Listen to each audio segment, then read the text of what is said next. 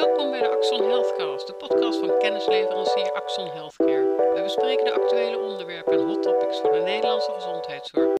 De verkiezingen zijn in zicht en de partijen moeten hun verkiezingsprogramma's vorm gaan geven. En voorafgaand aan die verkiezingen en ook voorafgaand aan Prinsjesdag zijn een aantal rapporten verschenen over de zorgkosten en wat bepaalde beleidsmaatregelen voor impact zouden kunnen hebben op de zorg. Uh, dat wordt onder andere gebruikt voor die, door die partijen om die programma's vorm te geven. En vandaag spreken we met Leo Melissen van Brabers en Jan Guze van Axon Healthcare over wat zij denken, hoe die verkiezingsprogramma's eruit gaan zien. Er zijn natuurlijk heel wat rapporten verschenen, waaronder inderdaad uh, zorg, keuzes in kaart van het Centraal Planbureau. En op zich is dat best wel een mooi fenomeen.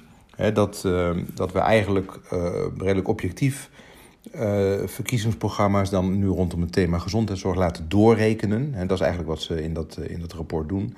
En dan kijken ze naar de impact voor het, het eerstvolgende jaar, het jaar daarop, het jaar daarop, et cetera. Dus hè, met, met de scope van een aantal jaren. En wat dan de impact per jaar is aan, aan uit, extra uitgaven of aan um, besparing. En dit betreft dan zowel beleidsmaatregelen, volgens mij hanteren ze een ondergrens van zo'n 50 miljoen, dan wel ook bestuurlijke akkoorden.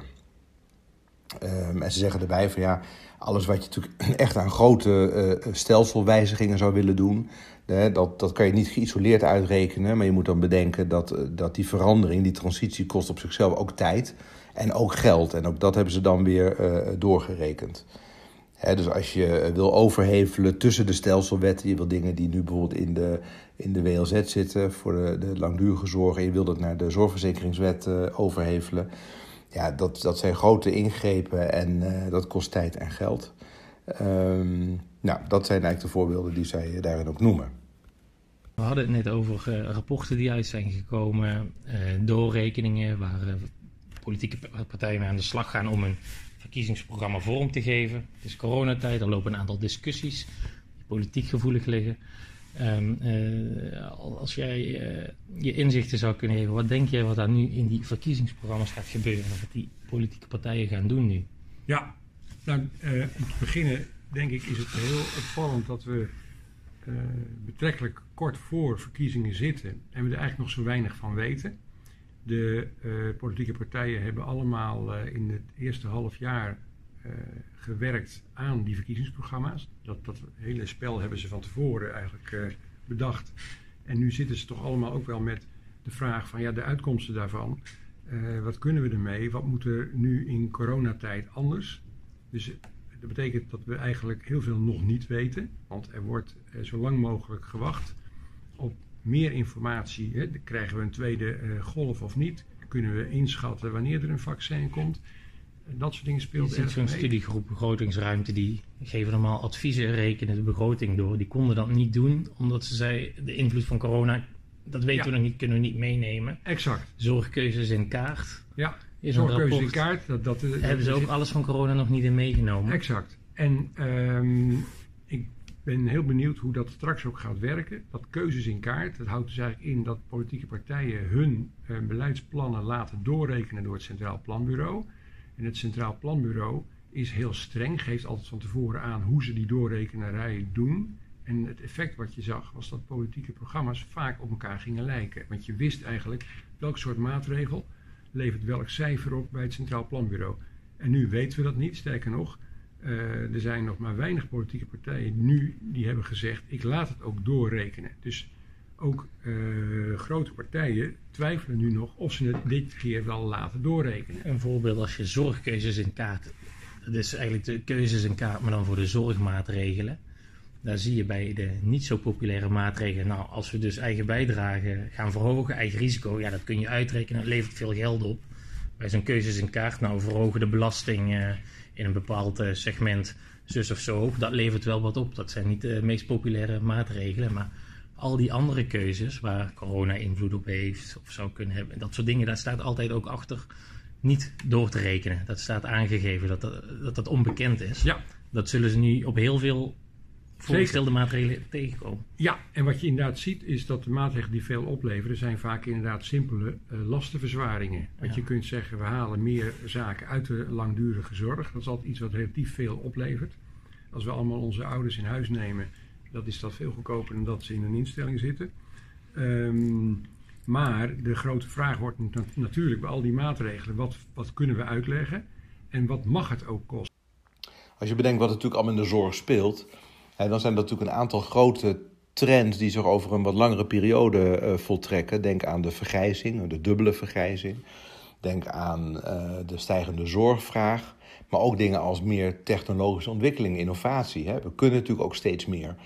En um, ik denk dat die rapporten um, um, ook richting de, de, de, politiek absoluut wel handvatten geeft om, uh, geven om, ja, en, en hou vast, om, om, om dingen door te kunnen rekenen, realiteit te brengen in, in, in voorstellen. Maar de scope van de maatregelen is denk ik wat beperkter. De doorrekening ook, hooguit denk ik een jaar of uh, drie, vier, vijf, waarin dat accuraat kan zijn. Terwijl eigenlijk de, de, de, de, de trends in de zorg natuurlijk een veel langer termijn uh, effect hebben. En, en misschien vergt dat grotere verhaal ook wel een, een veel drastischer ingreep in de zorg. Hè? Dus je kan natuurlijk wel allerlei losse maatregelen gaan doorrekenen. Maar de crux is natuurlijk een beetje dat je in samenhang kijkt naar wat dat op het hele, hele totale systeem doet. En de vraag is. Um, hier zitten niet totaal nieuwe systemen in. Het zijn allemaal eigenlijk op onderdelen dat zaken zijn doorgerekend. Dus in die zin denk ik is, de, is, is het effect absoluut wel zinvol. Zij het uh, dus voor het, het, verkiezingsproces en transparantie daarin. Maar op zich wel beperkt. Ze hebben natuurlijk allerlei dingen doorgerekend. Hè, van, van, van cure tot care. Uh, specifiek rondom geneesmiddelen en dergelijke. Um, je ziet natuurlijk dat een aantal um, zaken best wel veel kunnen bijdragen. iets als nieuwe hoofdlijnenakkoorden, nou, dat, dat moet toch zeker iets van 460 miljoen per jaar doen. Plus dat het bestuurlijke rust geeft. Nou, daar is natuurlijk alles voor te zeggen. En dat is ook een, een heel veilig item waar je denk ik als politieke partijen ook niet je vingers aan zult branden. Dus de verwachting is ook wel dat dit, ehm, dat dit ook wel de, in, in veel verkiezingsprogramma's een plek gaat, gaat krijgen. Um, maar dingen als artsen verplichten in loondienst, ja, dat ligt een stuk moeilijker. Of ik noem het, het afschaffen van de financiële arrangementen. Denk aan de sluis bijvoorbeeld. Ja, dat kost natuurlijk heel veel geld. Het voordeel is dat je snellere toegang hebt tot nieuwe geneesmiddelen. Of dat je het Duitse model erin gaat volgen, idem dito. Wat dan die snellere toegang oplevert, ja, dat is eigenlijk niet doorgerekend aan gezondheidswinst en dergelijke. En hetzelfde geldt een beetje voor preventie. Ja, eh, er zijn heel veel uh, maatregelen op een rij door allerlei politieke partijen ook ingediend rondom preventie. Um, en dat kost natuurlijk allemaal geld. alleen, en dat geeft gezondheidswinst. Maar die gezondheidswinst is eigenlijk, eigenlijk weer niet, niet uitgerekend. Dus wat je eigenlijk mist, is dat je, je zou eigenlijk preventie moeten rekenen in een, in een opbrengst. En, en op die manier misschien heel anders aan kunnen, kunnen gaan kijken. Ondanks dat er onzekerheid is wat corona in al die berekeningen uiteindelijk uh, uh, voor effect heeft, eventueel nog een tweede golf. Omdat we weten, er is toch nog wel geld om uit te geven dat gewoon die verkiezingsprogramma's die eigenlijk begin of voor coronatijd al min of meer vastlagen, in ieder geval de, de ideeën van de partijen, dat ze daar gewoon mee verder gaan. En dat ze misschien een beetje afwijken van die impopulaire dingen van we moeten snel geld in het zorglaadje krijgen, eigen bijdrage verhogen, eigen risico verhogen. Dat ze dat gewoon niet doen omdat dat gevoelig ligt. En zeggen nou is toch geld, we gaan toch weer, willen toch meer investeren juist. Met oog op de verkiezingen en gezondheidszorg is het eigenlijk best wel interessant om te zien wat er gaat gebeuren. Want we zitten natuurlijk in een, in een, in een coronasetting. Hè, en we hebben natuurlijk begin dit jaar allemaal staan klappen voor de zorg. Um, het is denk ik electoraal uh, niet haalbaar om daar met een, eh, een, een, een verhaal te komen uh, waar, waar, waar, heel veel gekort gaat worden in de zorg en dergelijke. Dat zal niemand uh, willen onderschrijven. Dus er zit een, een, een behoorlijke publieke uh, goodwill. Maar feit is natuurlijk wel dat je uitgaven in de zorg wel naast andere collectieve uitgaven moeten staan. Hè, wat we aan de sociale zekerheid doen en dergelijke. Ook vanwege de coronacrisis vanuit economische zaken wat we op alle mogelijke fronten moeten doen. En um, daar moet de gezondheidszorg wel mee wedijveren. En in die, in, in, in die onderlinge zeg maar, concurrentiestrijd tussen de verschillende uh, uitgavenposten. Um, ja, denk ik dat je al snel terugvalt in een wat kortere termijn focus, wat het doet per jaar op jouw begroting. En ehm, dus voor de verkiezingen verwacht ik eigenlijk uh, een, een, een, een, nou ja, een soort, soort, soort publiek geluid. Hè, dat ja, de zorg is wel heel erg belangrijk, maar als puntje bij paaltje komt, dan uh, sneeuwt dat misschien een beetje onder. Omdat uh, ja, er moet eigenlijk aandacht naar heel veel verschillende uitgavenposten gaan. En ehm, wat er uiteindelijk van terecht gaat komen, nou, groot vraagteken. Ik verwacht in ieder geval geen grote wijzigingen naar de toekomst toe. Terwijl je misschien juist dat uh, nodig, ja, eigenlijk mag, mag, bedenken dat dat nodig is met alle grote uitdagingen die er zijn, structureel. Hè, met een grote stijgende zorgvraag, met een, met een behoorlijke vergrijzing en dergelijke. En dus om dat tij te keren, of in ieder geval om daarop te kunnen antwoorden, is misschien meer nodig als wat je feitelijk op korte termijn aan maatregelen zou willen nemen, die passen in een, in een verkiezingsprogramma. En wat je ook wel een beetje ziet, is dat uh, partijen allemaal de neiging hebben om corona ook als voorbeeld of als, bewijs aan te voeren voor hun eigen stokpaardjes. Hè? Dus je hoorde de voorzitter van de programmacommissie van de PvdA al zeggen van de uh, corona maakt misstanden duidelijk, zoals bijvoorbeeld de macht van de grote farmabedrijven. Um, zeg maar, klein voorproefje van wat je wat zo'n partij betreft kunt gaan krijgen. Uh, de VVD zit natuurlijk ook al langer in een uh, zoektocht hoe ehm, ja, met, met, populisme om te gaan en, en trouw te blijven aan het liberalisme. Uh, Andere partijen zeggen een WGP-reiking van geneesmiddelen moeten we helemaal niet zonder grenzen doen. Gewoon uh, zoals die bedoeld was. Want pharma loopt niet weg. Ja. Wij besparen daar geld mee en dat moet juist niet. Ja. Ja, nou goed. Kijk, maar wat ik even over VVD wilde zeggen. Wat je bij de VVD zag, hè, dat is dan uh, het, visiedocument van Klaas Dijkhoff. Dat luidt iets van liberalisme moet werken voor gewone mensen.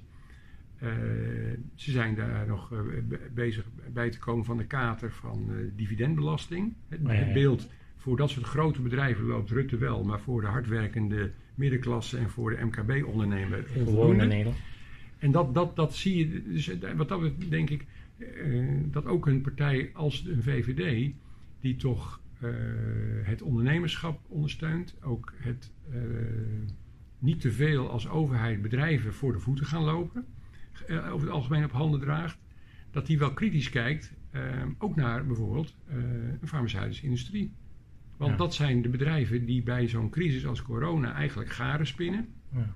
En um, dat zijn de bedrijven waar eh, je niet zo snel mee scoort. Hè? Dus ik denk dat uh, farma... Als je ze laat doen wat ze nu in de markt doen. Bedoel. Ja, maar ook als je kijkt naar, neem naar, de, naar de politieke partijen. Uh, er zal straks, hè, als we zien dat een PvdA eigenlijk al aangeeft van grote farmabedrijven, dat, dat, dat, is bijna een deel van het uh, coronaprobleem. Terwijl je die heel gemakkelijk ook kunt zien als de oplossing, want waar komen die vaccins anders vandaan? Um, maar die moeten straks met een VVD misschien wel aan een formatietafel gaan zitten. Ja, de gewone zorgmedewerker, de gewone MKB'er, die, moeten we, die gunnen we wat. Dus als we financiële ruimte hebben, dan wordt het daarvoor gebruikt. Ja. En waar moeten dingen gehaald worden, of waar moet misschien met symboolwetgeving strak worden opgetreden, dan is het denk ik inderdaad richting uh, de farmaceutische industrie. Ja. En is het echt een uitdaging, wordt het voor uh, die industrie, om te laten zien dat ze echt uh, deel van de oplossing zijn en met nieuwe therapieën uh, ook wel degelijk gewoon mee aan tafel horen te zitten. Ja. Om te kijken van uh, hoe, hoe gaat die zorg dan naar de toekomst toe slimmer georganiseerd worden.